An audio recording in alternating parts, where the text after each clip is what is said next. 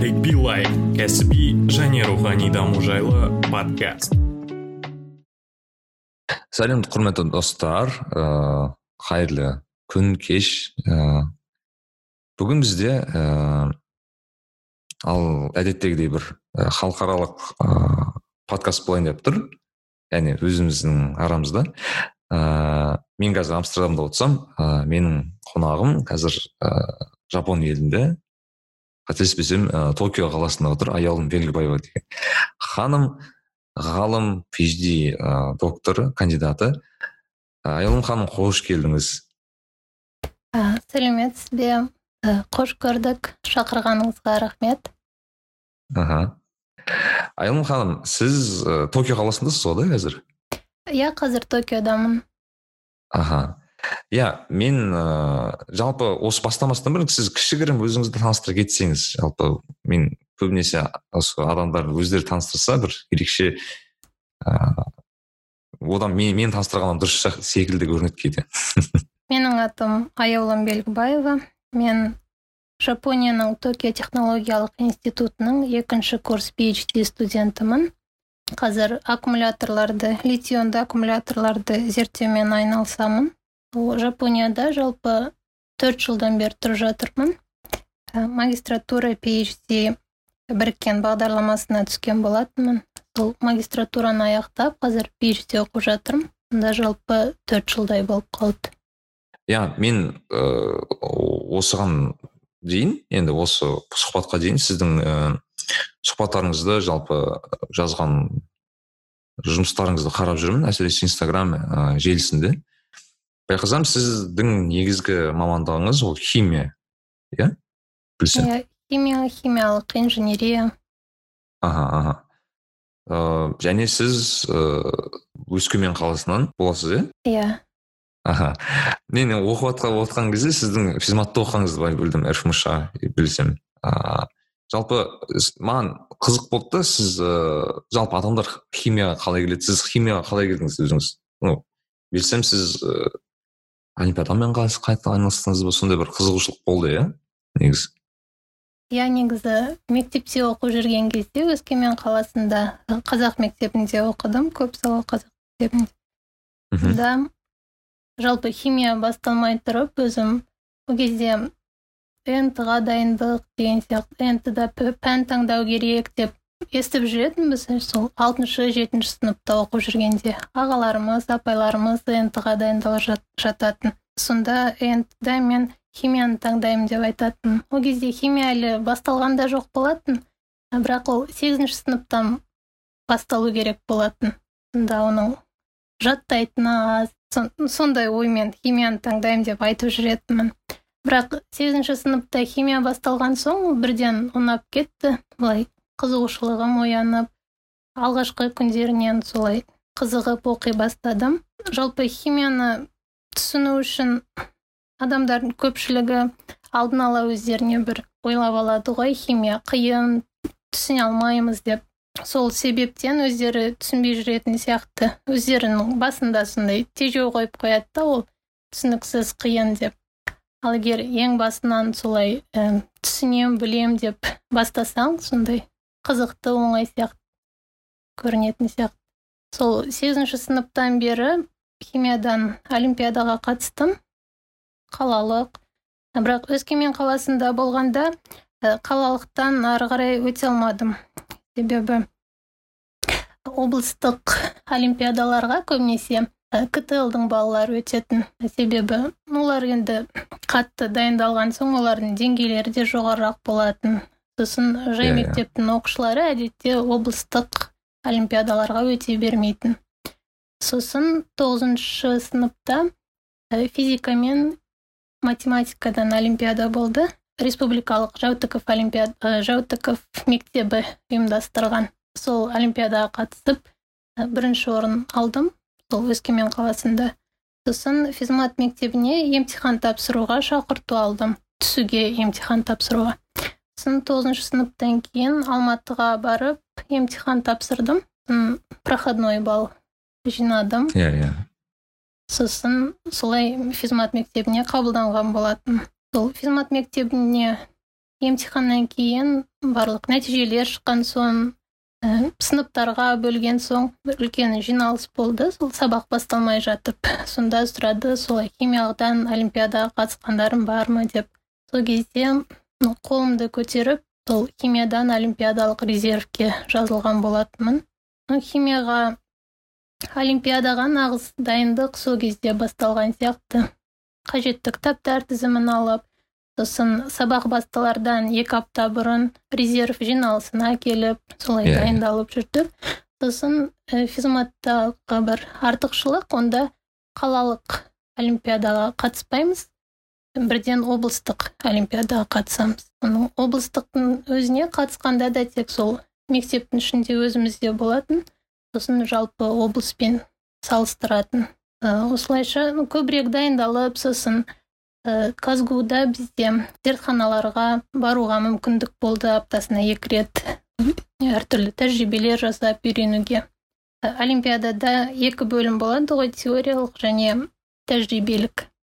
Иә Бұл- тәжірибелік бөліміне дайындалу үшін солай зертханаларға барып жүрдік. Солай дайындалып республикалық олимпиадаға жолдама алдым. Бірақ оныншы сыныпта орын ала алмадым. А он бірінші сыныпта күміс медаль алған болатын. Республика олимпиададан иә республикалық олимпиадада. Одан бөлек андай олимпиадалар болар еді ғой менделеев дейтін бе тағы бір химиядан бір сондай бір олимпиада болар еді ғой халықаралық қатыспадыңыз ба ондайларға?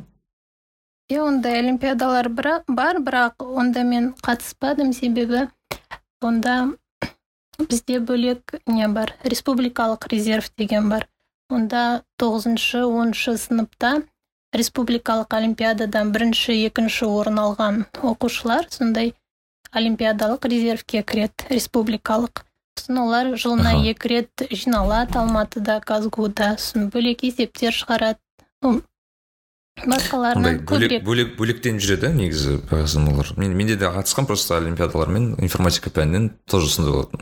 Андай бөл- бөлек осындай халықаралық иә олар өздері бөлектенген емес оларды солай бөліп қояды. Иә, иә, ұйымдастырушылар сосын олар өздері бөлек дайындалады.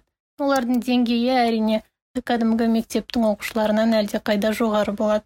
Химияны сұраған себебім өйткені мен енді расы керек өзім химиямен аса қызықпадым мектеп кезінде. Мен де ә, қалалық физмат мектепте оқыдым жетпіс үш деген. Ә, бірақ сол физмат мектепте оқығанмен ә, білмеймін мені мысалы мен әлі күнге дейін айтамын мен ә, бір күні мұғаліммен бір текетірес болып қалдым ба білмеймін бір мұғаліммен ұрысып қалдым ба білмеймін сондай бір нәрсе болды химия пән мұғаліммен. Мгм. сол күннен бастап химияны химияны оқымадым шын айтсам дұрыс. Ә, жалпы ә, химияны оқыған кезде менде кейде андай пайда болады да. М, ой ә, жалпы біздің мектепте химияны бір қиын жалпы мектептерде қазақстанда химияны бір қиындатып түсіндіретін секілді көрінеді. Кейде бір ә, или білмеймін әртүрлі бір ә, басқа пәндерге қарағанда бір ә, тартын тартымды емес та химия. Барлық пәндерге қарағанда. Сондықтан қашан көрсең олимпиадаға да қатысатын химияға өте аз адам қатысатын бізде мысалы тоже. Ә, иә негізі барлығы мұғалімге де байланысты сияқты. Себебі менің мұғалімдерім өте жақсы болды. Сол сегізінші сыныпта бас ең басынан бастап сол мұғалім өте жақсы түсіндіретін сол атомдардың бір бірімен байланысын былай қолыңнан ұстап тұрып наглядно дейді ғой. Валенттілікті түсіндіргенде де мысалы бір элементтің валенттілігі екі болса менің екі ақ қолым бар деп мен үшінші адамды ұстай алмаймын деп сол сияқты валенттілікте екі болса тек екі атоммен қосыла алады деп. Солай жақсы түсіндіретін. Мүмкін соның да әсері болған шығар. Ол ә, сол өскемендегі мұғалімдер де- де- деп ойлайсыз ғой? Өскеменде болған иә менің өзімнің мектебімде болған мұғалім мхм. Ал жалпы сіз мынау өскемендегі қазақ мектепте оқыдыңыз кейін ә, қал республикалық олимпиада ә, республикалық ә, физмектепте оқыдыңыз. Былай айырмашылықты қатты сезе алдыңыз ба ауысқан кезде? Жалпы үлкен бар ғой негізі айырмашылық. Иә айырмашылық өте үлкен. Себебі мысалы өскемендегі мектепте мен өзімді бір білмеймін ең ақылды сезінетінмін. Мхм. Мысалы барлығынан бес аласың барлығы оңай сияқты. Басқаларына көмектесесің иә. Өзің қиналмайсың қиналғандарға көмектесесің. Ал физматқа барғанда керісінше бұнда саған көмектеседі. Бірақ саған ғана көмектеспейді сен де көмектесесің. Былай барлығы бір біріне көмектеседі. Сосын жалпы бағдарлама да әртүрлі болды. Мысалы физмат мектебі болғасын бізде математика мысалы аптасына он рет болды. Ал жай мектептерде мысалы екі үш рет деген мхм. Сондай андай орта конкурентті десем болады иә иә орта. негізі. Сондай. Мхм. Сіз ыыы білсем енуға түстіңіз иә кейін? Иә Э, енуға түстім. Астанада. Аха. Жалпы мен негізі кбту ға түскім келген болатын. Бірақ э, өскеменде оқып жүрген кезде э, мен тек өскеменнің жоғарғы оқу орындарына түсем деп ойлайтынмын. Сұрайды ғой тоғызыншы сыныптарда қайда тапсырғың келеді деп. Себебі өскеменде оқып жүргенде мысалы біздің мектептен кбту ға түскен бір екі үш адам ғана болатын бүкіл мектептен. Сосын оларды солай мақтап айтатын. Мысалы жылына бәленбай миллион тұратын оқуда грантқа оқып жатыр осылай түсе алды деп. Бірақ мен де солай түсе аламын деген ой болмайтын білмеймін неге. Сол өскеменнің жоғарғы оқу орындарына ғана түсу керек сияқты болып көрінетін. Бірақ физматқа барғасын физматта жартысынан көбі кбту ға тапсырады. Сосын мен де сонда тапсырамын деп ой келді. Сосын сондай ортада жүрген соң бірақ менде ә, неден нт дан алтын белгіге бір балл жетпей қалды қазақстан тарихынан. Ал кбту ға грантқа тек сол алтын белгілерді алатын. Со- сосын ә, белгілі бір балдан жоғары керек жоғары болу керек болатын. Сол менің балым жетпей қалды сосын алтын белгім болмады. Сол мені кбту ға алған жоқ. Сосын менде келесі мүмкіндік ол казгу ға тапсыру болатын. Бірақ мен олимпиадаға дайындалып жүрген кезде сол казгудың көп ім, оқытушыларымен профессорларымен жұмыс істедік есептер шығардық сол тәжірибелер жасадық. Барлығын былай көріп танып қалғам да жақсы. Сосын ойладым егер казгуға түссем мен барлығын танимын қандай еркелеп оқымай қоятын шығармын деп ойладым. Білмеймін неге ондай ой келген. Сосын бір жаңа ортаны көрейін дедім. Сосын ә, астанаға енуға тапсыруға шешім қабылдадым. Сол қызығы мен ә, алматыда оқып келген соң ә, төрт университет таңдау керек қой неге? Оқуға Иә, иә. тапсырғанда. Соның ішінде бірде біреу өскеменнен болған жоқ. Барлығы сол алматы мен астанадан ғана болған. Солай ә, екінші кбтудан кейін енуді жазып енуға түстім. Бұл да не ә, мамандығы болды ғой? Химия мамандығы болды иә? Иә сізде? химия мамандығы. Ену туралы әртүрлі көзқарас бар университет ретінде. Өзіңізге қалай әсер бітір, бітір- бітіргеннен кейін қандай әсер қалдырды негізі? Жалпы негізі енуға тапсырмай тұрып та маған айтатын сол казгудан және оқытушылар ну енудың базасы нашарлау деп м, казгумен салыстырғанда жалпы негізі казгуда мысалы химия кафедрасы ол бір үлкен жаңа ғимарат. Ал енуда ол тек бір ғимараттың бір этажы ғана. Ондай үлкен Иә. емес қатты жабдықталмаған деп айтуға болады. Сосын оқытушылардың көпшілігі де сол казгудың түлектері бірақ сондай нашар білім деңгейі төмен деп айта алмаймын. Себебі егер өзің оқып ізденсең ә, кез келген кез келген жерде былай оқып білім алуға болатын сияқты. Ә, мынау сұхбаттарыңызды оқып отырып бір кісінің атына есіміне көзім түсті. Ол жұмабай бәкенов деген кісі екен. Мхм. Назарбаев университетінің бір профессоры түс- түс- түсінетін түсінген болсам иә? Иә. Бұл кісі ғалым иә. химик. Яғни сіз айтыпсыз сол ғылым сол кісінің қол астында болған кезде енді жалпы жұмыс істеген кезде сол ғылымға деген бір құштарлық құштарлығым пайда болды деп. Қалай болды жалпы жұмабай ағаны қалай ыыы сипаттай аласыз ғалым ретінде? Жалпы ә, жұмабай ағай менің сол өмірімде көрген алғашқы ғалымдардың бірі болған сияқты. Жалпы оған дейін ә, енуда да мысалы профессорларды көрдім. ә, екінші курста жүргенде мысалы ирина смаиловна деген профессордың қол астында жұмыс істедім сол лабораториясында.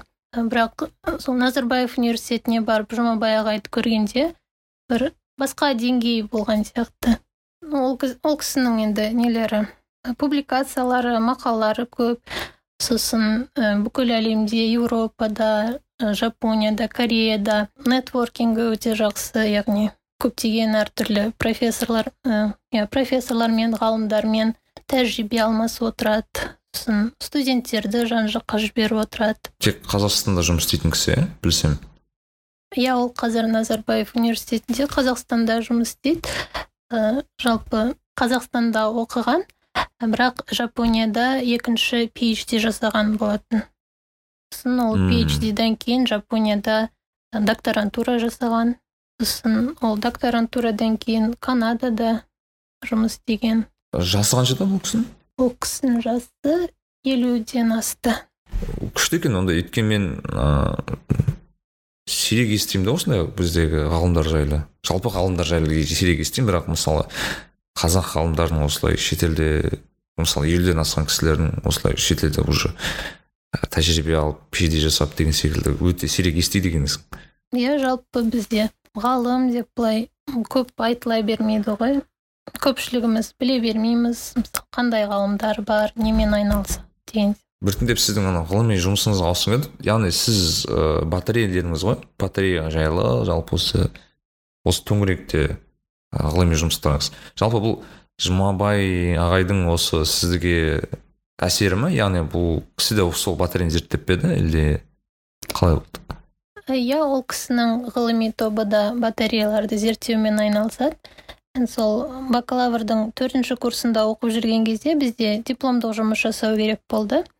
Сонда сол дипломдық жұмысқа ғылыми жұмыс жасау үшін сол назарбаев университетінде жұмабай ағайдың лабораторияларына барған болатынмын. Сол менің енудағы жетекшім солай таныстырып солай баруға мүмкіндік берді. Ол кісілер сол батарейкаларды зерттеумен айналысады. Менің сол дипломдық жұмысым да батарейкаларға қатысты болды. Сосын сол дипломдық жұмысымның нәтижелерін жинақтап сол алғашқы ғылыми мақала шығарған болатынбыз халықаралық журналға. Жалпы өте қызық болды. Енді аккумуляторларды батарейкаларды барлығымыз қолданамыз ғой бірақ ішінде не болып жатқанын біле бермейміз иә бұл жерде сіздің ыыы ашқан кезде мынау нелерін инстаграмыңызды ашқан кезде немесе сұхбаттарыңызды оқыған кезде мен ойланасың да неге батарея батарейканың не, не- несі бар деген секілді андай бір сұрақтар пайда болады. Бірақ байқасам мен енді былай ғылыми емес иә көзқарасым. Бірақ ы,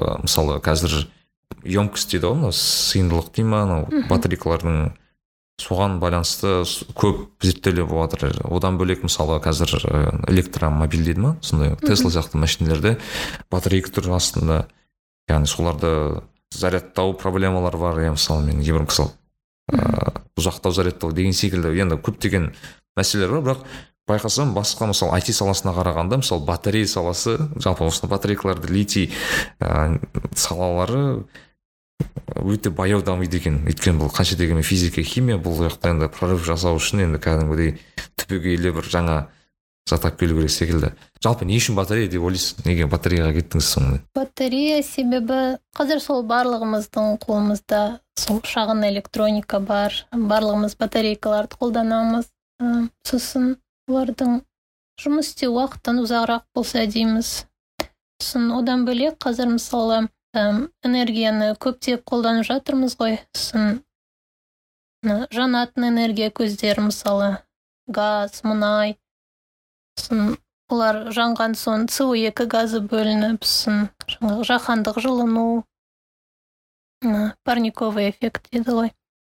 Сол со екі газын бөлінуін азайту керек деген сияқты. Сол үшін әртүрлі альтернативті энергия көздері зерттеліп жатыр ғой.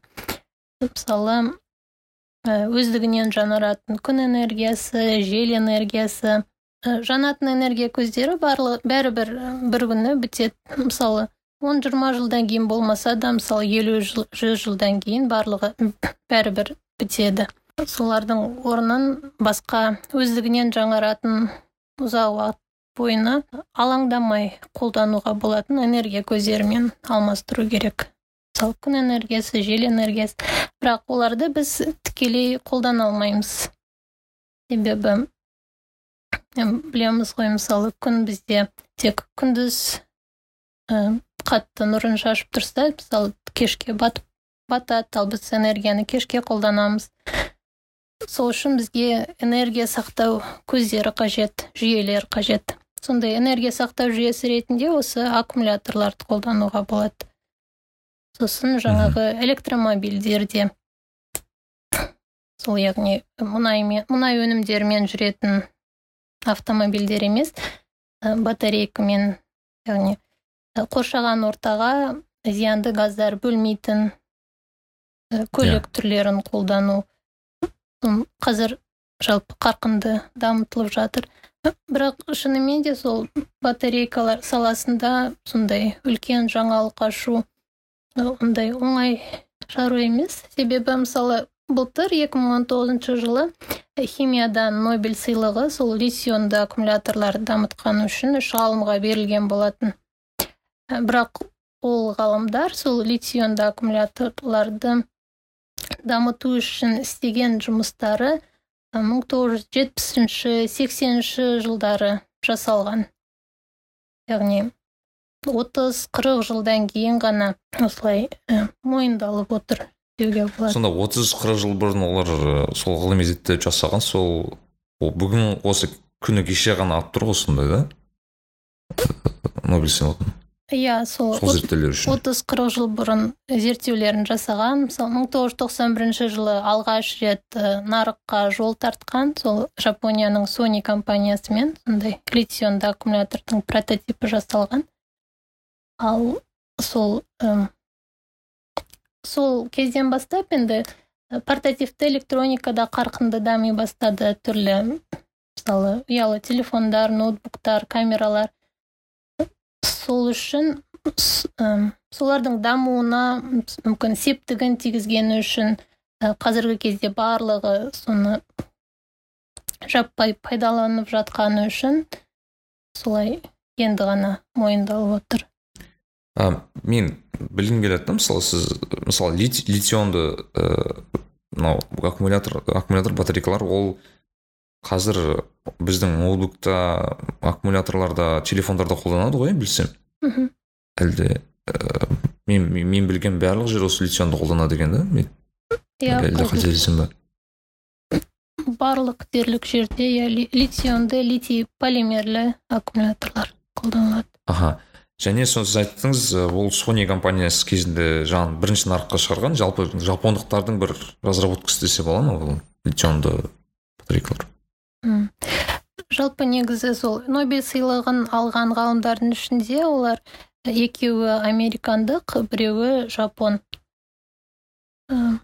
Жалпы тек жапондар ойлап шығарды деуге болмайтын шығар. Себебі мүмкін бүкіл әлемнің ғалымдары ат салысқан бірақ сол прототипті алғашқы болып жасаған сол жапондықтар болды. Аха. Өйткені мен мысалы ыыы айфонның презентациясы болып жатады да. Сол кезде бұлар ә, презентацияны қатырады ғой енді.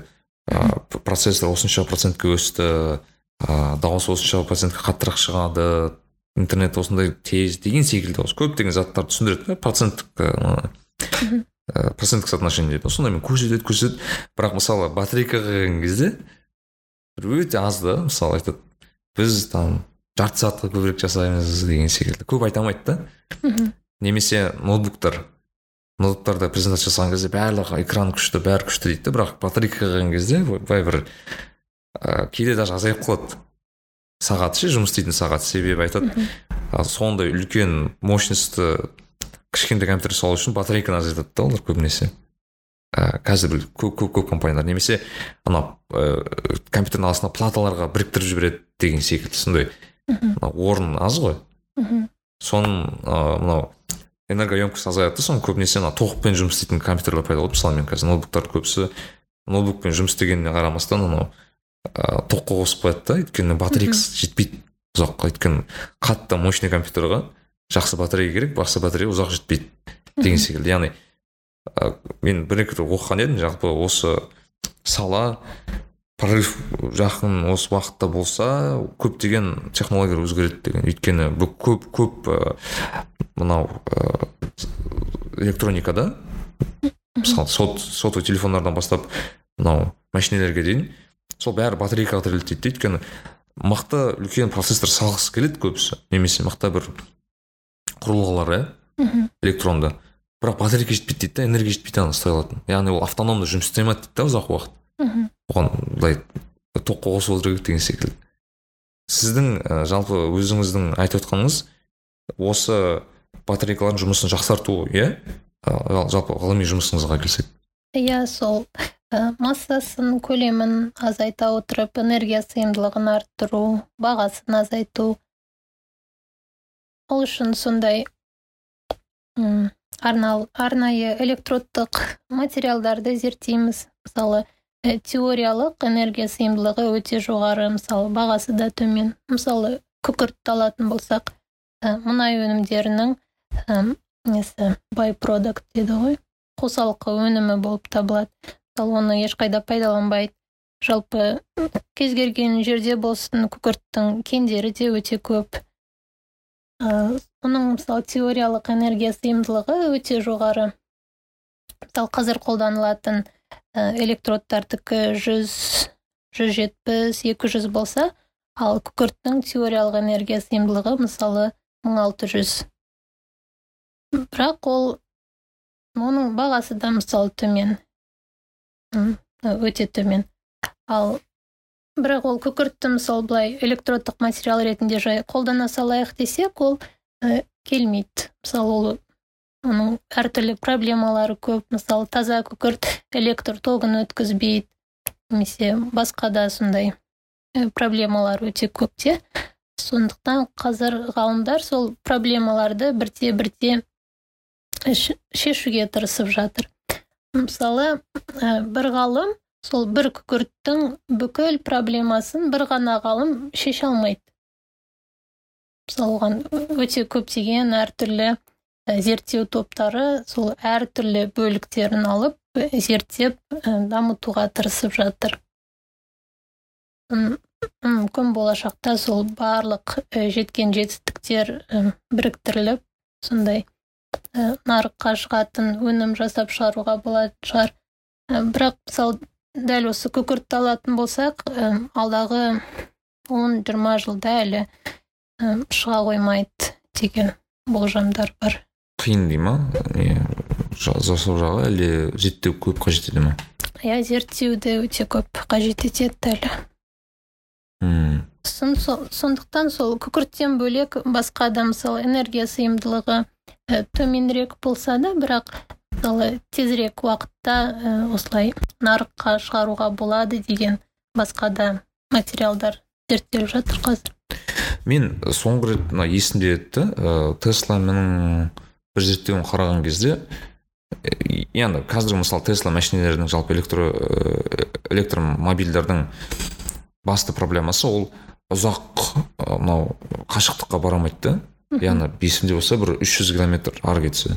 Иә. барады ары қарай ол, ол зерттеу керек и мысалы европада ол болатын шығар. Өйткені ара қашықтықтар мысалы болады да жерге. Мгм. 300 километр деген жалпы үлкен ыыы ара қашықтық бірақ мысалы қазақстанда немесе осы сен орталық азияда мүмкін емес үш жүз километрді сен алматыдан тарағылы жете алмайсың негізі қордайға ары кетсе жететін шығарсың. Иә сосын қазақстанда климат та басқа ғой. Мысалы қыста суық температурада жүре алмайды. Батарейкалар иә именно? Иә батарейкалар минус жиырмадан төмен температурада әзірше дұрыс жұмыс істей алмайды. Аха. Иә мен соны байқадым да и соңғы бір зерттеумен қателеспесем мына мынандай теорияны ұсынған еді да яғни қазір батарейкалар ыыы энергоемкостьті көбейте алмаса да бұлар анау зарядтау уақытын көбейтеді дейді да көбейтуге болады. Ну яғни мысалы ә, қазір есімде болса ана теслаларға зарядтау үшін ә, арнайы чарджерлар бар да. Олар ол есімде болса білмеймін бір жарты сағат бір сағаттың көлемінде тез тез зарядтайды негізі. Толық зарядтап бітеді да. Одан аз болмаса он бес минут пе ұмытып қалдым. Бір бір сағатқа дейін зарядтап береді көлікті. Ал бірақ кәдімгі мына біздің тоққа қоссақ ол білмеймін бір бір күннен бір күнге дейін біз сегіз тоғыз сағат ұзақ қалады да уақыт. Кәдімгі біздің ноутбук зарядтаған секілді ұзақ тұрады. Мхм. Ыыы мынандай теорияны ұсынып еді яғни олар ыыы, яғни бағанағы жүз километрді жүреді бірақ мысалы салған кезде бір бес минуттың ішінде зарядталып қайтадан келеді деген секілді. Сондай бір ол рас па жалпы осындай тез зарядталу процесі мүмкін ба жалпы? Тез зарядталу мүмкіндігі де сол ә, материалдарға байланысты болады. Жалпы мысалы электр тоғын жақсы өткізетін болса онда электр тоғын және иондық өткізгіштігі жақсы болса онда солай тез зарядтау мүмкіндігі де жоғары болады. Жалпы ондай материалдар бар иә ә, энергиялық сыйымдылығы қатты жоғары болмаса да сондай қат қалай айтсам? Өте үлкен ток ә, жүктемелерінде жұмыс істей алатын. Яғни тез зарядтау тез разрядтау мүмкіндігі бар. Ондай материалдар да бар. Енді сіздің ыыы жеке жұмысыңызды мен андай бір теориям бар да өзімнің жеке. Ыыы әсіресе соңғы рет мысалы есімде болса пакита ханыммен жасаған едім соны. Ыыы ғалымның ы, нелерін ашамын да ғылыми жұмыстарын ашып көремін да. Енді маған мысалы ғалым емес адамға оқу мүмкін емес та ондайларды мен түсінбеймін да өйткені мынау заттарды ше оқу оқу оқып отырып байқаймын енді басқа ғылыми тілмен жазылған ғой бәрі. Бірақ мынандай теория бар да егер ғалым өзінің ыыы ғылыми жұмысын ыыы мен сияқты андай не дейді қара жаяу адамдарға түсіндіре алса яғни ол түсінді деген секілді. Немесе жалпы осындай бір теория бар ғой бір қиын затты оңай тілмен түсіндіре алсаң адам соны түсінді деген секілді. Мен анау сіздің ә, google scholar дей ма соны ашып көрдім да. Мхм. А, сол жерде оқыдым да түк түсінбедім шын айтсам. Ііі, мынау бір екі бір екі нені тайтлдарды оқып көрейінші. Сіз соны түсіндіре аласыз. Ба біздің қазақ тілімен. Мысалы high performance freestanding composite cathode for lithium sulfur batteries дейді. Бұл не тұр не деп жазылып тұр бұл сол литий күкірт батареяларына арналған ә, жоғары перформанс яғни ә, тиімділік иә иә ти- тиімділігі ә, жұмыс істеу қабілеті жоғары өздігінен тұратын катодтық материал дайындау. Өздігінен тұратын деген мысалы біз батарейкаларды жинаған кезде электродтық материалдарды фольгаға жағамыз. Мысалы алюминий немесе мыс фольгаға. Себебі ол фольга бізде ә, ток қабылдағыш.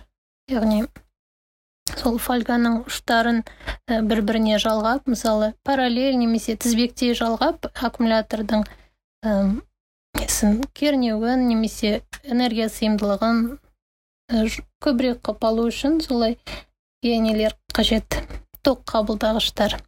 Бірақ ол фольгалар мысалы өте ауыр сын ә, жуан болып келеді.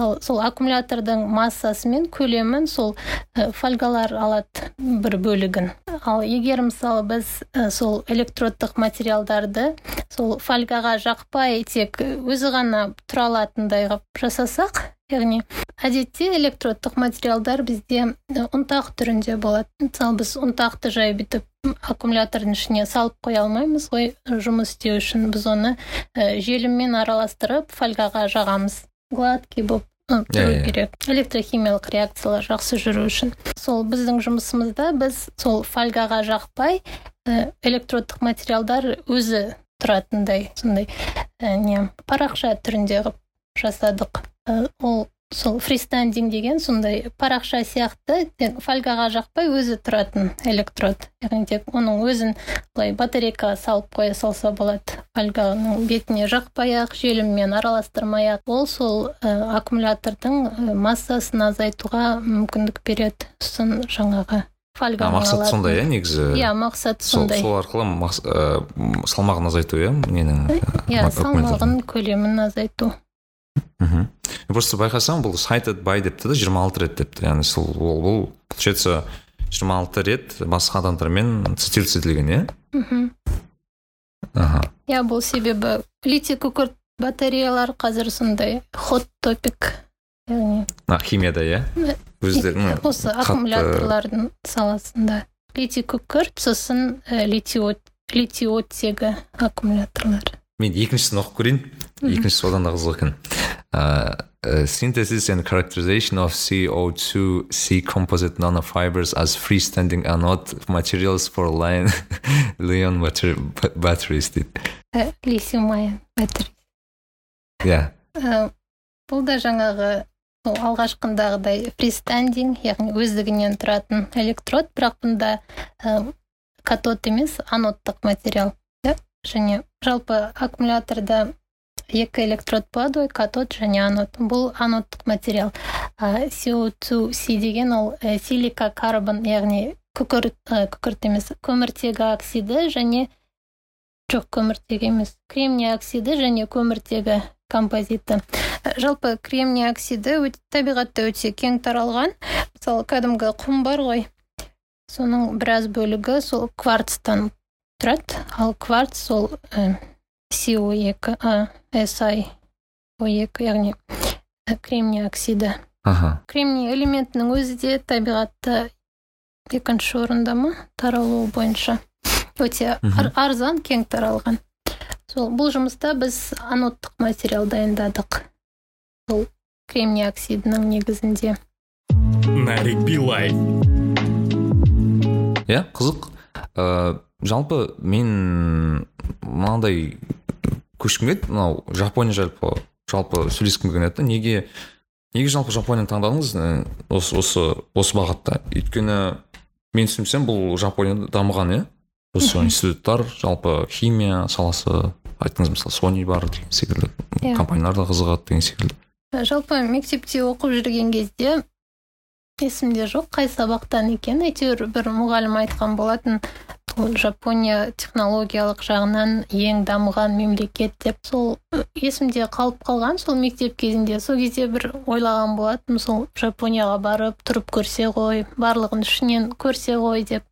Бірақ ол сол мектеп кезінде болды да одан кейін ә, тек арман сияқты болды. Сосын былай қол жетімсіз арман сияқты болды да. Сосын бәрібір ешқашан орындалмайды деген сияқты ұмытылып кетті. Сосын жаңағы жұмабай ағайдың лабораторияларында жұмыс істеп жүрген кезде сол кісі ұсынды.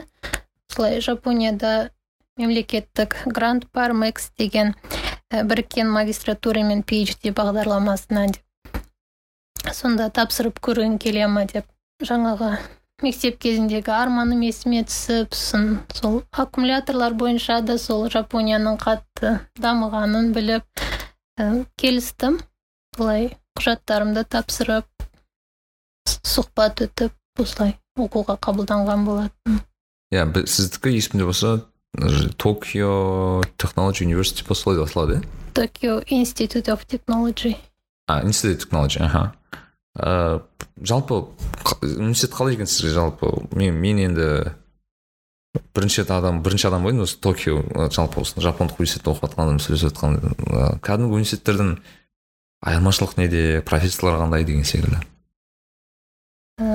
Кәдімгі университет дегенде біздің қазақстан университеттерімен ба? Иә мүмкін енді бізде сонымен салыстырған кезде мүмкін. Мысалы бізде енуда кафедрада тек бес профессор болды. Ал қалғандары ә, доцент немесе ә, оқытушылар жоғары санатты оқытушылар жай ғана лекторлар болатын. Ал мұнда сабақ беретін тек профессорлар жалпы бүкіл университет тек профессорлардан құралатын сияқты. Сосын әр профессордың өзінің лабораториясы бар. Бірақ енуда да әр профессордың өзінің лабораториясы болатын бірақ бұнда енді профессорлар өте көп болғасын лабораториялар да өте көп. Сосын мысалы бакалавриаттың төртінші курсынан бастап белгілі бір лабораторияға тіркеледі студенттер. Өздері былай аралап жүріп таңдайды сосын сол бір лабораторияға тіркеледі. Сосын бакалаврдың төртінші курсын сосын магистратураның екі жылын сол лабораторияда өткізеді. Ғылыми жұмыс жасап. Бұндағы басты айырмашылық мүмкін студенттер барлығын өздері жасайтын сияқты. Мысалы ғылыми зерттеуге келгенде егер қондырғылары мысалы бір жұмыс істемей қалса барлығын өздері жөндей салады. Бір нәрсе керек болса өздері дайындай салады деген сияқты. Өз қолдарымен жасай салады. Мхм. Жеке дара өздері жұмыс істей береді иә? Мхм. Сіз профессорлар дедіңіз ғой қанша профессор бар қазір?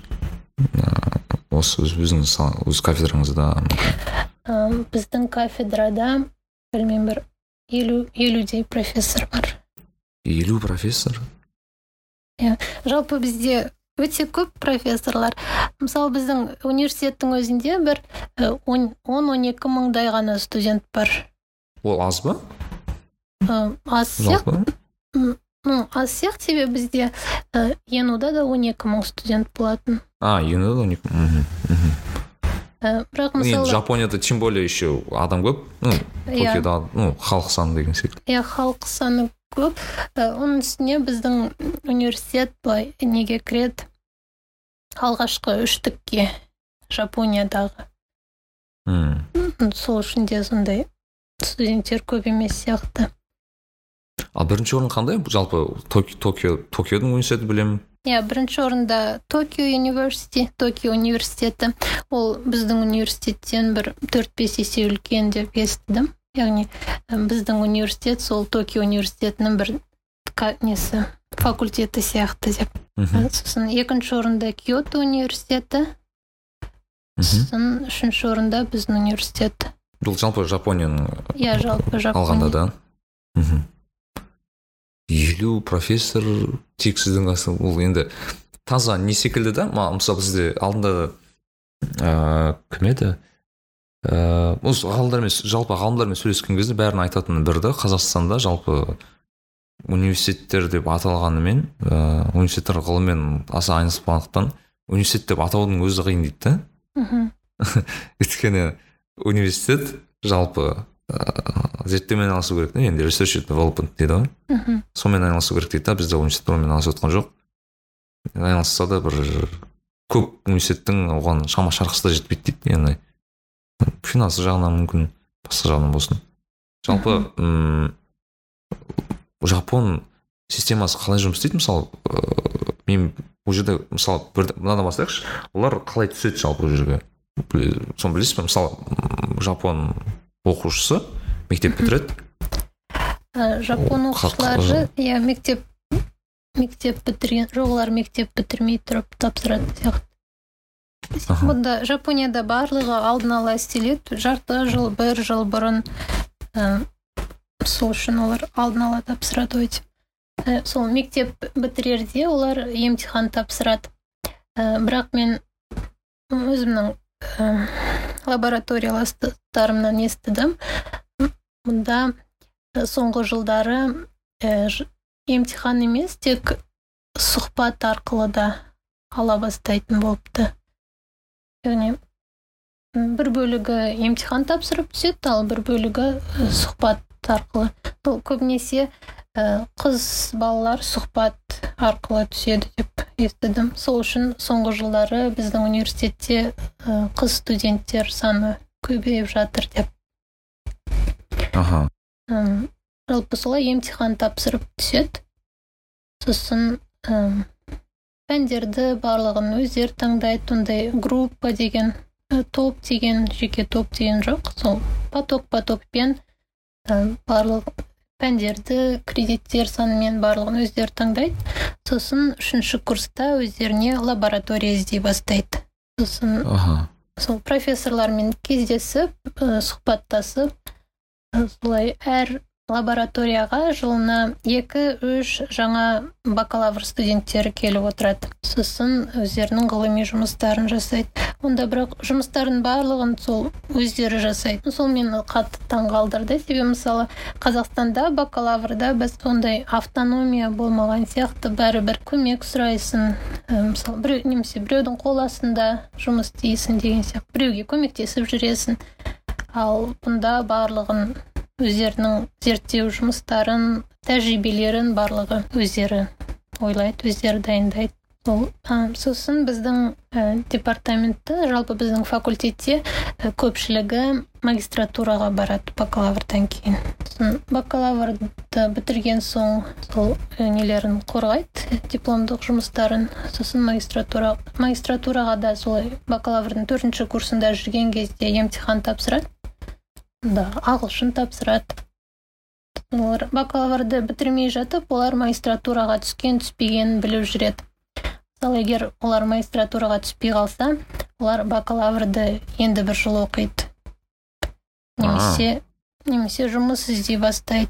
Бірақ көпшілігі магистратураға барады. Мысалы біздің лабораторияда бакалаврдың төртінші курсын екінші рет үшінші рет оқыған студенттер болды. Яғни егер мысалы түсе алмағаннан ба? Кейбіреулері түсе алмағаннан ал кейбіреулері ғылыми жұмысының мысалы бір нәтижелер алмағаннан мүмкін дипломдық жұмысын қорғай алмай қалғаннан кейбір студенттер болады. Ну барлық жерде ондай болады. Сияқты кішкене жалқаулау мысалы жұмысын дұрыс істемейтін немесе қалай қолынан дұрыс келіңкіремейтін деген. Енді сол өз жұмысын бітіре алмағандықтан қалады ғой жалпы иә? Иә. Түсінсем мхм. Иә. Ал жалпы жапондық мен, мен көбінесе бұл жапондықтардың жеке халық ретіндегі бір мәдениет секілді андай ә, бөлек ә, айтпақшы автономды жұмыс істей алу деген секілді мектеп кезінде үйрететін секілді маған ол жалпы халық ретінде. Ә, сондай ой пайда болды ма жалпы өмір сүре бастадыңыз енді халық арасында жүрген кезде былай араласқан кезде? Иә жалпы олар автономды жұмыс істей алса да бірақ бәрібір ә, барлығы былай қоғам болып бір бірлестік болып жұмыс істейді сияқты. Мысалы барлық компанияларда болсын ә, мысалы бір ғана жапонды алсаң ол мысалы бізбен салыстырсақ ондай қатты артықшылығы болмауы мүмкін. Бірақ мысалы он жапон мен он қазақты салыстырсаң он жапон әлдеқайда тиімдірек ұйымшыл. иә ұйымшыл. ұйымшылсын. Жұмыстарының сапасы да жақсырақ болады. Нарик билай. Мен білсем ыыы сіз жапон тілін үйреніп жүрсіз иә білесіз жалпы? Жапон тілін мен магистратура кезінде сол бір жарым жылда оқыдым үйрендім бірақ сосын phd басталған соң ой оқуды қойдым. Бірақ менің жетекшім жапонша сөйлеседі менімен. Былай бірінші ағылшынша айтады сосын дұрыс түсінбей қалды ма деп жапонша айтады. Жапонша жақсырақ түсінетін деп ойлайтын сияқты. Қиын ба екен сонымен? Жапон тілі? Жалпы ондай қатты қиын емес оқыса үйреніп алуға болады негізі. Қазақ тіліне қатты ұқсайды грамматикасы. Ол сөздердің реті жалпы тура аудара беруге болады. Қазақ тіліне ну несін грамматика дегенде сол мысалы сөйлемдер немесе соответственно деген сияқты сөйлемдегі сөздердің реті мысалы етістік соңында тұрады деген. А ондай ма? Жалпы халық халық андай моно тілді халық қой негізі жапондықтар көбіне байқасаң? Иә жалпы жапонияның 98 пайызы таза жапондар ғой. Олар тек жапон тілінде сөйлейді. М. Ағылшынша сөйлейтіндер өте аз. Жалпы токиода көп кездеседі ағылшынша сөйлейтіндер бірақ токиодан басқа жерлерде азырақ. Ауылды мекенге барсаң деген секілді ма? Иә. Бірақ токионың өзінде де мысалы менің лабораториямда кейбіреулері ағылшынша дұрыс түсінбейді. Мысалы мен жай бір нәрсе айтып тұрсам да олар мені ұрсып тұр деп ойлап қалады кейде. Ә, бұлар жалпы андай қоғамды алға қоятын секілді өздерінің жеке амбицияларына қарағанда ше сондай бір алдында кім еді? Ә, факита ханым сол айтқанмен яғни біздің ә, жауапкершілігіміз бірінші қоғам алдында бар деп айтады да. Иә. Амбициямыздың содан бұрын. Одан кейін барып біз өзіміз халық енді халықты алға қояды дейді дейді да сондай. Соны сезе алдыңыз ба өзіңіз сондай бар ма? Иә жалпы жапондар сол өздерінен бұрын әм, өздерінің айналасындағыларын көбірек ойлайды. Және айналадағы адамдар ә, менің кесірімнен өздерін жайсыз сезініп қалмаса екен деген сияқты. Сосын жапондар былай өзінің өздерінің қоғамдарынан бұрын әлем туралы ну кішкентай мемлекет болса да бүкіл әлем туралы сондай жауапкершілікпен қарайтын сияқты. Мысалы ана фукушимада жарылыс болды ғой 2011 жылы цунамиден кейін. Ә, сонда енді өте үлкен апат болды ғой сосын өте үлкен қауіп болды егер ол ә, кәдімгідей тоқтатылмай жарылатын болса бұл тек жапонияға емес бүкіл жер шарына сондай кесірі тиетін еді. Сосын сол кезде ә, токиодан мысалы ә, құтқарушылар барған ғой неге? Сол фукушимаға. Жөндеу жұмыстарын жүргізу үшін енді тоқтату үшін. Сонда ә, бір өрт сөндірушінің несін көргем? Сұхбатын. Айтады кетіп бара жатып ә, әйеліме жаз жердім дейді осылай фукушимаға бара жатырмын. Ә, қайтып келем ба білмеймін деп. Сосын әйелі ә, жер шарын құтқаршы деп жаз жіберіпті жауап ретінде. Мәссаған. Яғни жауапкершілігін бүкіл әлем алдында көрді ғой иә? Иә мысалы біздің елде болса егер солай жазса мысалы ә, сенен басқа баратын адам жоқ па деген сияқты. Қайтеге дейтін шығар. Иә сондай әңгімелер болады ғой. Алдында жапонияны Иә. жер шарын құтқаршы иә бұлар әрине ондай бар енді. Мен ә, қазір ә, коронавирустың қазір даму несін қарап жатырмын да? Деңгейін деген секілді. Ең таңғалдыратын ол жапония ғой негізі өйткені жапонияда қанша миллион халық тұрады есімде болса жүз жүзден астам миллион жүз жиырма жеті. Жүз жиырма жеті миллион халық тұрады да. И мен қазір қарап отырмын мысалы ә, баста- ка- вирус басталғаннан бері ә, коронавирус 18 мың адамнан табылыпты да. Мхм. Оның 16 мыңы емделген мхм. и тек 969 адам қайтыс болған. Мхм. 127 миллион халыққа. Мхм. Бұл деген енді статистикамен есептесең өте төмен ғой негізі. Мысалы Иә. біз қазақстанда қаншамыз? Біз 18 миллион болсақ бізде уже 20 20 мыңнан асып кетті мен білсем мхм. А бұларда 120 миллионға 27 миллионға 18 мыңға. И то э, литольный исход мысалы қанша мыңға жетпейді.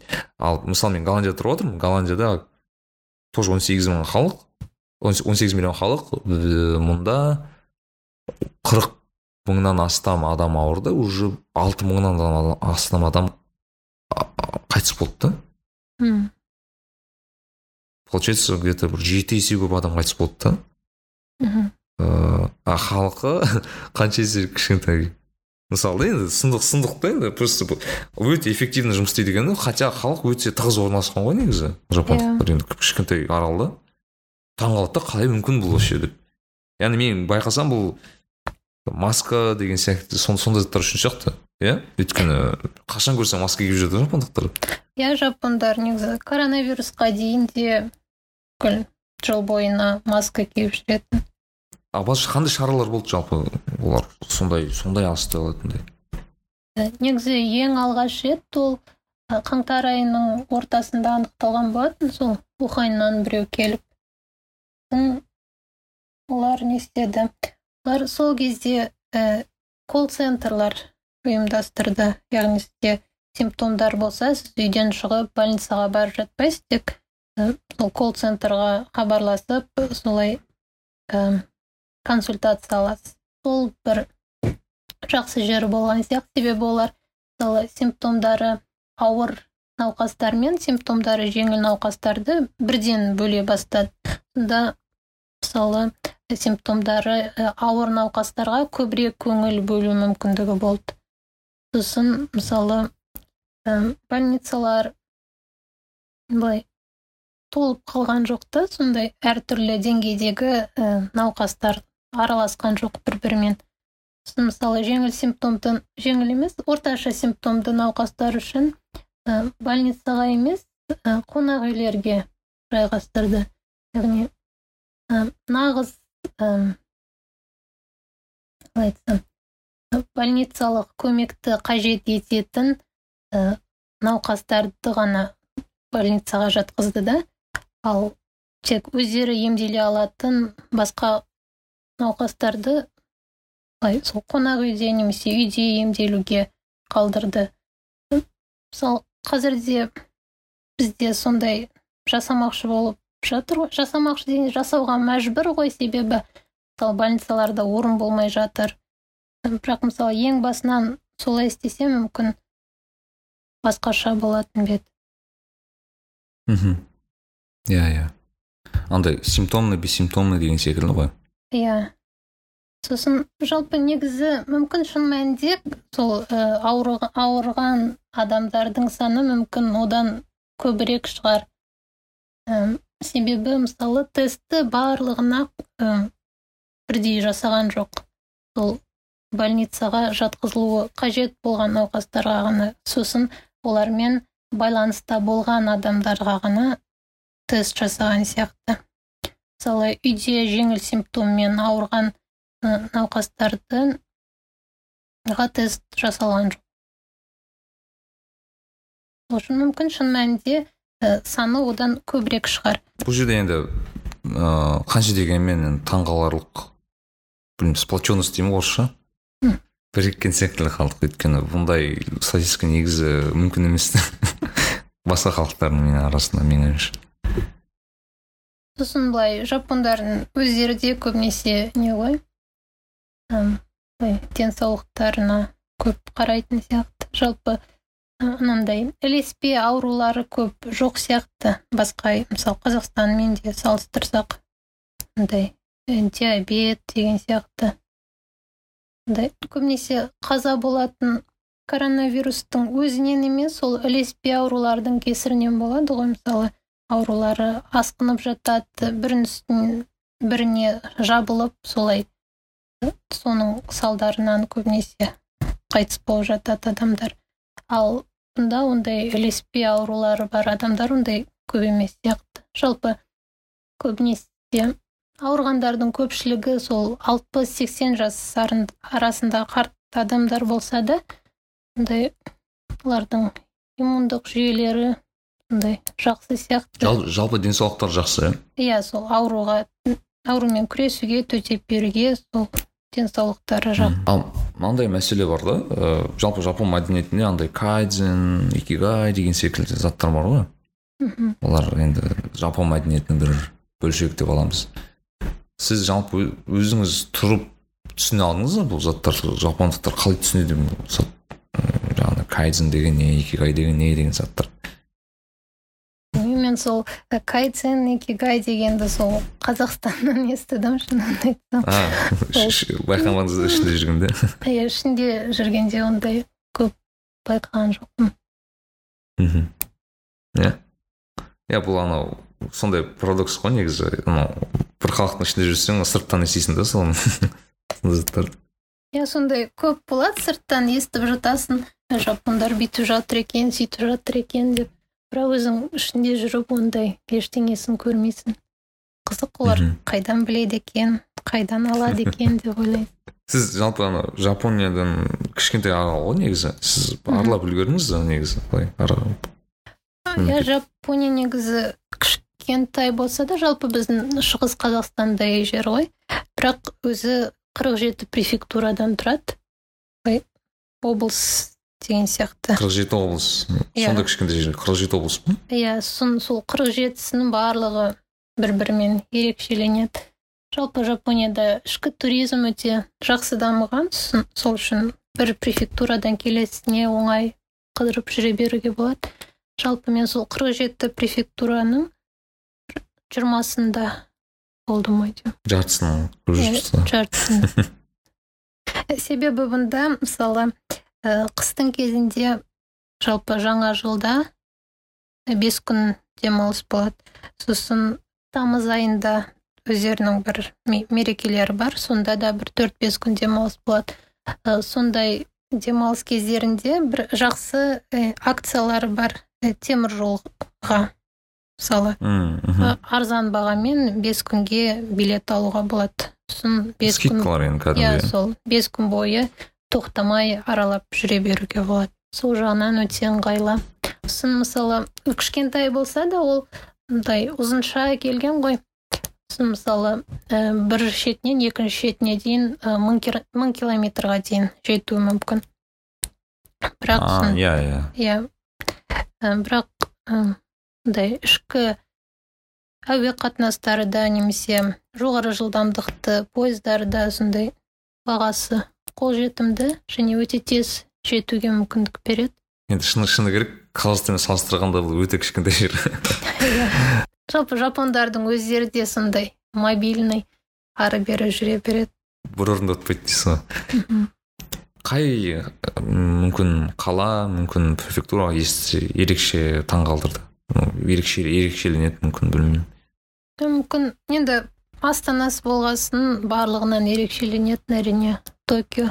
Жалпы бұл токионың өзі бүкіл жапониядан ерекшеленетін сияқты.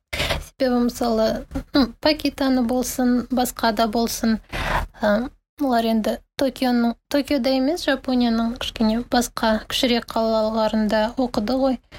Ә, сол жақтың жалпы адамдары да кішкене өзгешелеу сияқты токиодағыдан. Мысалы токиода барлығы сондай жұмыс басты. Мындай. Бизи дейді ғой. Ал басқа кішірек қалаларда ондай емес сияқты. Сол үшін олардың мысалы тәжірибелері де кішкене басқашалау болған сияқты. Ол ал токиодан бөлек жалпы негізі қай қаласын алсаң да сондай э, күшті қылып жасап қойған э, туристерді шақыратындай мысалы әр префектураның өзінің бір магнитиктері бар өзінің бір тағамы бар сусыны бар деген сияқты. Сол үшін былай бөлу өте қиын. Бірақ мүмкін ә, тарихи астанасы болғасын киото қаласы. Мен соңғы бір подкастта ма еді өркен кенжебек деген бір ыыы кісі сол сол сол айтқан еді кезінде мұхтар әуезов. Мхм. Аа япония деген бе еді сондай бір не жаз- ма- мақала жазған. Жапонияға барып келген екен сондай бір ыыы ерекшеленіп сол жиырмасыншы жылдар есімде осы сол барып жазған екен жас кезінде. Мхм. Сол кейін ыыы жалпы алашорда алашорданың адамдарына қатты әсер еткен дейді да сол жалпы сол кездегі императорлардың жалпы халықтың қандай мәдениеті жайлы түсіндірген ғой. Енді рас рас рас зат қой мысалы біздің анау алашорданың бөкейхановтың көп жазбалары ғой жапондықтардың көп ыыы мына несін алған деген секілді. Ну системасын жалпы алғысы келген деген. Сондықтан мәдени тұрғыда даже жүз жыл бұрын да қазақтар сол ыыы жапондықтардың көп затын алғысы келген екен да сондықтан соны қарап отырып. Мхм. Нарик билай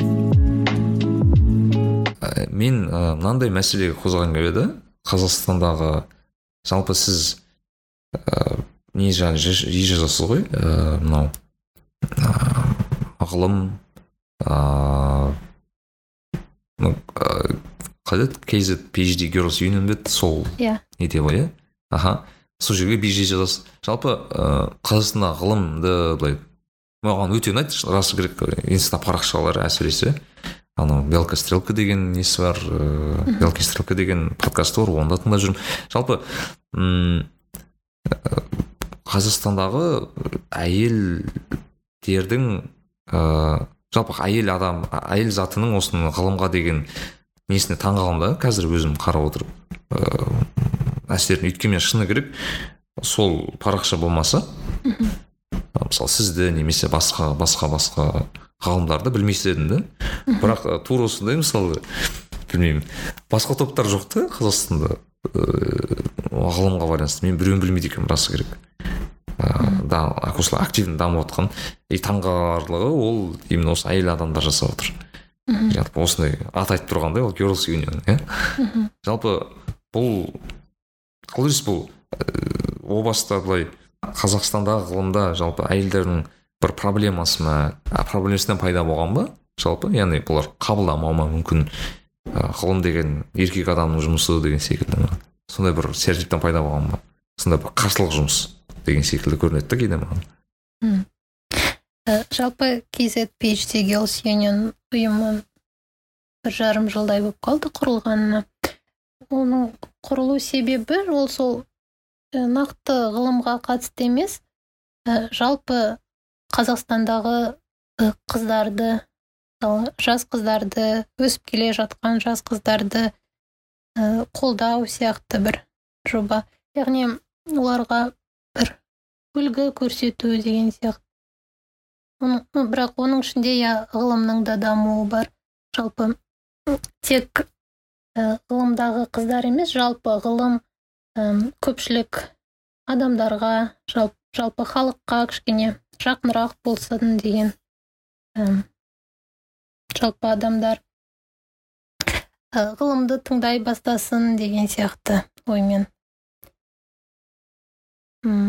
Мысалы және ғалымдардың да әртүрлі болатыны оның ішінде сол қыздардың да әйелдердің де болатыны себебі ғалым дегенде мысалы ә, көпшілігіміздің елестететініміз ол сол мысалы ә, америкалық немесе еуропалық сондай ә, белый мужчина дейді ғой.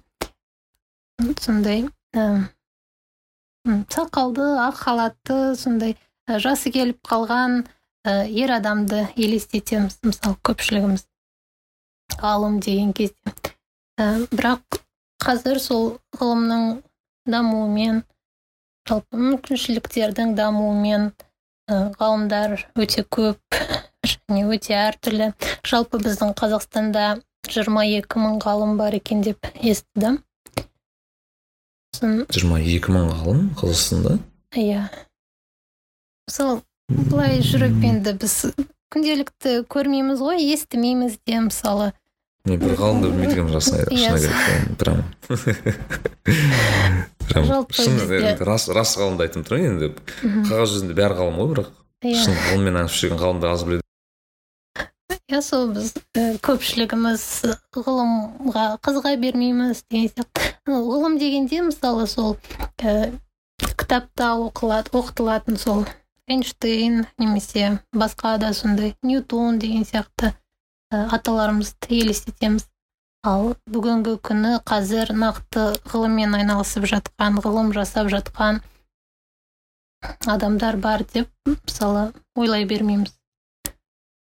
Сол біздің мақсатымыз сол жалпы ғылым ондай өткен ғасырларда қалып қойған немесе мындай қолжетімсіз сондай орындалмас арман сондай дүние емес. Қолжетімді өте. Жалпы күнделікті өмірде де арамызда мысалы ғалымдар жүруі мүмкін деген сияқты. Мысалы әйел қыз болса да ғылыми жұмыспен айналысып жатыр деген. Иә иә иә. Мен де байқадым оны. Сондай адамдарға халыққа жалпы ғылымды жақынырақ қылу мақсат. Мен бірақ бір байқағаным ол kz phd girls union дегенді. Ашып қарасам көбіне ыыы шетелдегі бір phd жасап жүрген қандастарымыз көп екен да. Яғни сіз сияқты жапонияда кейбір германияда кейбір басқа мемлекеттерде. Жалпы бұл ыыы ондай болуының себебі бұл қазақстандағы ғылымның дамымаған себебі ме? Яғни мысалы білмеймін бағанағы сіз айтпақшы жапондықтар ол жапониядан кетпей кетпей ақ жасай береді ғой мысалы ғылым ғылыми жұмыстар. Бірақ мысалы қазақстанда сен ғылыммен шынымен айналысқан кезде менің ойымша сен иә сен бағанағы сол батыс елдеріне шығыс елдеріне барып сөйтіп қана бара аласың өйткені қазақстан қанша дегенмен дамыған. Бұл жалпы қандай жалпы қазақстанда ғылымда қандай проблемалар көріп тұрсыз енді сіз ғылым ғалым ретінде? Неге дам неге қазақстанда дамымай отыр ол? Жалпы бірінші неге мысалы көпшілігіміз басқа елдерде жүрміз деген сұраққа жауап беретін болсам жалпы өзім phd жасау туралы ой келгенде маған мысалы м шетелде оқып келген сол апай ағаларымыздың ә, нелерін мысалы мақалаларын көрсек жалпы шетелде ғылыми жұмыс жасау оңайырақ сияқты көрінетін. Яғни қазақстанда қараған қазақстанға қарағанда шетелде phd қорғау оңайырақ сияқты болып көрінетін өзіме. Ә, сол үшін мен мысалы шетелде жасауды таңдадым. Ну одан бөлек енді шетелде тұрып көруде. Иә тәжірибе ғой иә тәжірибе алу мақсаты болды. Ал қазақстанның өзінде сол ғылым жасау үшін иә мүмкін біршама проблемалар бар. Бірақ негізгісі сол халықтың ғылымға деген көзқарасы деп ойлаймын. Себебі мысалы біз көп естіп жатамыз мысалы ғалымдар бір ғылым жасап жат ғылыми жұмыспен айналысып жатса мысалы оның қажеті не дейді? Егер ертең ол мысалы нарыққа шығып пайда әкелмесе мемлекеттің қазынасына ақша құйылмаса деген сияқты сондай ойлар айтады. Ғылымның барлығы дәл қазір қолданысқа кіріп кету керек сияқты ой қалыптасқан көпшілігімізде. Яғни егер де оны дәл қазір қолдана алмасақ онда оны жасаудың қажеті жоқ деген сияқты. Яғни мысалы мен сіз мысалы бағанағы батарейканы жасадыңыз айналып жүрсіз сіз енді білмеймін бір екі жылдан кейін сразу жаңа батарейка пайда пайда болу керек деген секілді ма? Иә мысалы бір екі жыл емес даже мысалы мен қазір жасадым мне шықты ма? Ертең барып батарейка құрастыру керек деген сияқты. Заводқа барып жаңа завод ашу керек деген секілді иә. Ал шын мәнінде ғылымның мысалы бірнеше сатылары болады. Мысалы біріншісі proof of proof of concept яғни жалпы сол материал жұмыс істейтінін дәлелдеу керек. Мысалы сен бір материалды ойлайсың осындай жақсы болады ау деп. Сосын оның жалпы жұмыс істейтінін көрсету керек. Жақсы болсын жаман болсын жалпы істейтінін сосын егер ол жұмыс істейтін болса оны ары қарай жақсартуға тырысасың.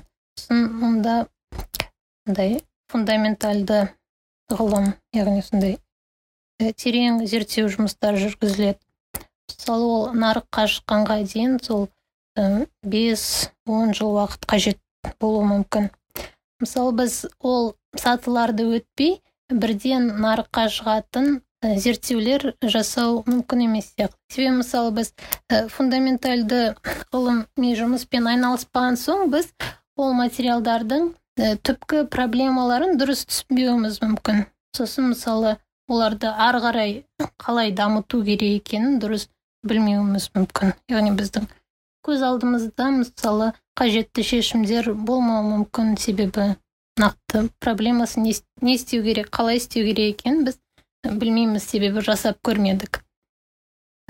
Ал дәл осы нарыққа шығатын зат жасау үшін ол тек бұл ғылым емес тек шетелдік патенттерді сатып алу завод ашу бұл уже ғылым емес қой. Иә бұл бизнес иә бизнес коммерция сияқты. Сол үшін ең алдымен сол фундаментальды ғылымға деген көзқарасты өзгерту керек сияқты. Яғни ә, мысалы ғылым деген ол айтады ғой орысша игра в долгую дейді ғой.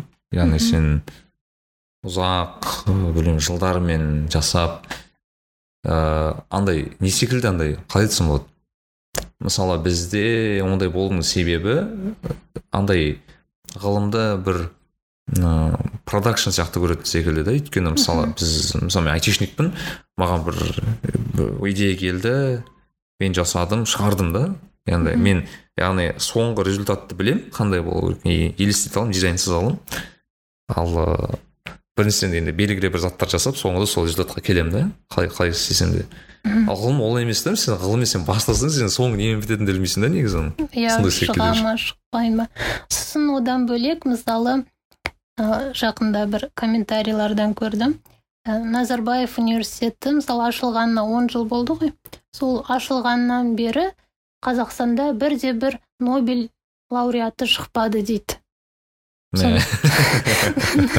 Назарбаев университетіне қаншама ақша құйып жатырмыз олар бір нобель лауреатын шығара алмады дейді.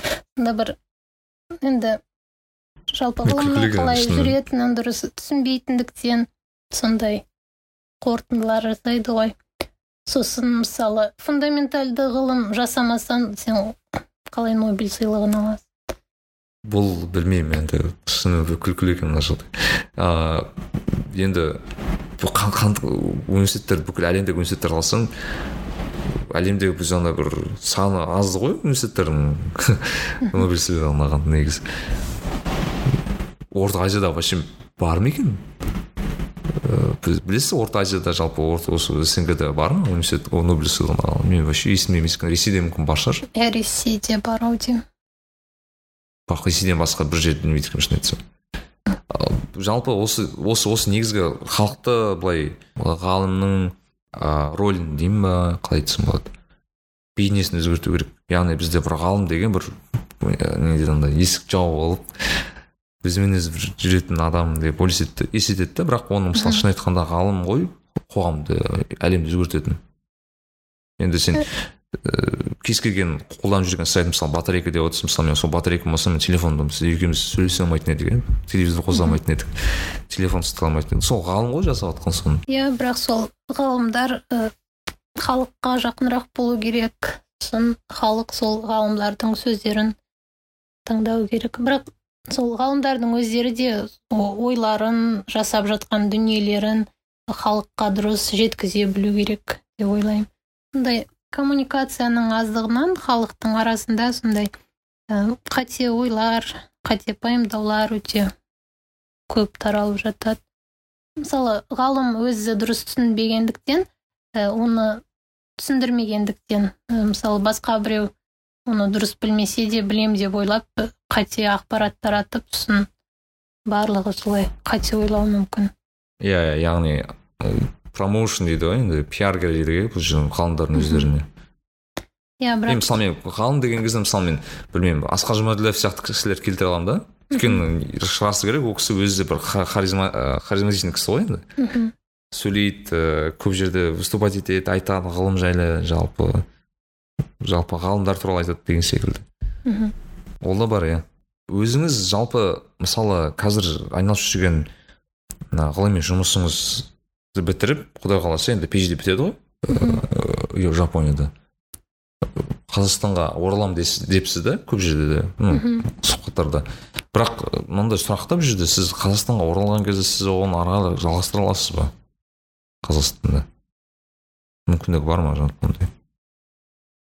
Иә өз, өзіме де сондай сұрақ қоямын. Жалпы бізде мысалы сол жұмабай ағайдың тобының өзінен жалпы батарейкалар бойынша әртүрлі кореяда жапонияда еуропада оқып келген. Қазір м, менімен бір уақытта маған дейін ә, солай оқуға кеткен көпшілік студенттер қайта оралып жатыр. Көпшілігі енді назарбаев университетіне барғысы келеді ғой. Себебі онда басқа университеттермен салыстырғанда ғылымға жағдай былай жақсырақ жасалған деген сияқты. Сосын енді былай ойлайсың маған орын болар ма екен деген сияқты.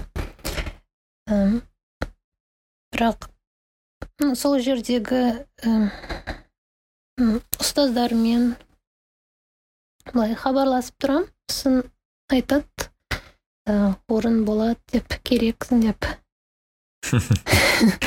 Соған рас иә қайт дей ма иә өзімізге сұрайды ғой енді phd бітірген соң ә, не істемекшісің деп. Сосын енді академиялық ә, мансапта мысалы phd-дан кейін постдок деген бар яғни phd-дан кейінгі зерттеу жұмысын жасау периоды сол ә, постдок жасаса да жақсы болатын еді мысалы. Соны айтсам қайтпайсың ба дейді. Өзімізге де керек деп. Ә, бізге де пайдасы тисін дейді ғой иә мамандар бізге де керек деп. А жалпы ә, сіз айтсаңыз ә, енді ғал- ғалым ә, ғалым боласыз ғой қанша дегенмен қазақстанда иә? Бұл енді сіз индустрияға кету ойыңыз жоқ та жоқ қой? Иә өзім солай деп ойлап отырмын. Жалпы индустрия дейтіндей мысалы осы химиялық инженерия саласында жалпы ондай индустрияда көп емес сияқты бізде. Мысалы тенгиз шевройл демесек. Иә сондай бір нефтянка болмаса былай иә. кәдімгі не жоқ секілді иә немесе мысалы өскеменнің өзінде бар ым, бізде зауыттар көп қой өскеменде. Мхм. Сол зауыттардың қасында әртүрлі зерттеу орталықтары бар. Бірақ онда неге екенін білмеймін көбінесе орыстар ғана жұмыс М, иә ондай да бар айтпақшы мен бір э, танысым ба жұмыс істейтін жұмыс істеген соны айтқан еді. Э, сондай бір қызық қызық деп. Мхм. Орыс ағайындар көп. Деп иә ы, жалпы сол академияға баратын шығармын деп ойлап отырмын. Бірақ қазақстанның өзінде де мысалы енді біз көп болып жиналып қалдық қой сол аккумуляторларды зерттеп. Аккумуляторлар бойынша PhD жасаған студенттер оралып сосын мүмкін бір болашақта сондай аккумуляторлар бойынша өндіріс дамытамыз ба деген сияқты. Иә мүмкін ғой неге мүмкін емес. Яғни сіздер енді бағанағы осы көптеген ғалымдар жиналса неге жасамасқа? Яғни менде соған ой келген еді да яғни батарейка деген ол более андай білмеймін ыыы мысалы математикадан PhD жасаған адамдар болады ғой бір теориялық математиканы жасап келетін деген секілді адамдар болады ғой. Сондай бір өте өте бір теорияға кетіп қалған кісілер де бар да. Бірақ мысалы батарейка деген ол кәдімгі ұста, ұста, біз көріп жүрген ұстап жүрген зат та. Енді бұл жерден индустрияға кіру мүмкін секілді көрінеді да. Яғни ыыы мысалы сіз бағанағы күкірт негізінде жасап шыққан батарейканы қазақстанда да істеуге болады негізі ол түрік емес. Иә иә мысалы біз соны егер шығып жатса. Бакалаврдағы дипломдық жұмысым кезінде сол бағытта жұмыс жасадық қой. Бірақ ол кезде де сондай нелер болған ым, коммерци- коммерциализациялық жобалар. Бірақ аты ғана коммерциализациялық деген. Ым, сонда сол күкірт негізіндегі аккумуляторлар жасап шығармақшы болғанбыз. Бірақ ол сондай іске аспады ондай сәтті болмады. Сосын сондай мысалы өндіріс ашу туралы ойланғанда былай есептеулер жасай келе мысалы қытайдан батарейкалар әкеп соларды былай жинақтай салу арзанырақ шығады иә? Иә арзанырақ Иә, шығатын иә. болып шыққан. Бәрінің айтатын осы проблема екен байқасам иә. Көбінесе өндіріс ашайын десем қытайдан алып келіп жинай салған маған қайда арзанға шығады ғой дейді да.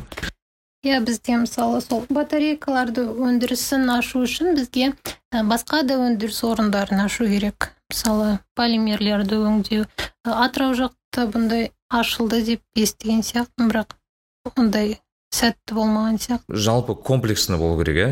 Иә сондай жүйелі әртүрлі өндіріс орындары қажет. Аха. Негізі айылым ханым мынандай сұрақ та бізде жалпы қазақстанда ыыы ғалым мен мен же- жеке сенемін да ғылым дамуға жалпы ғылым дами алады.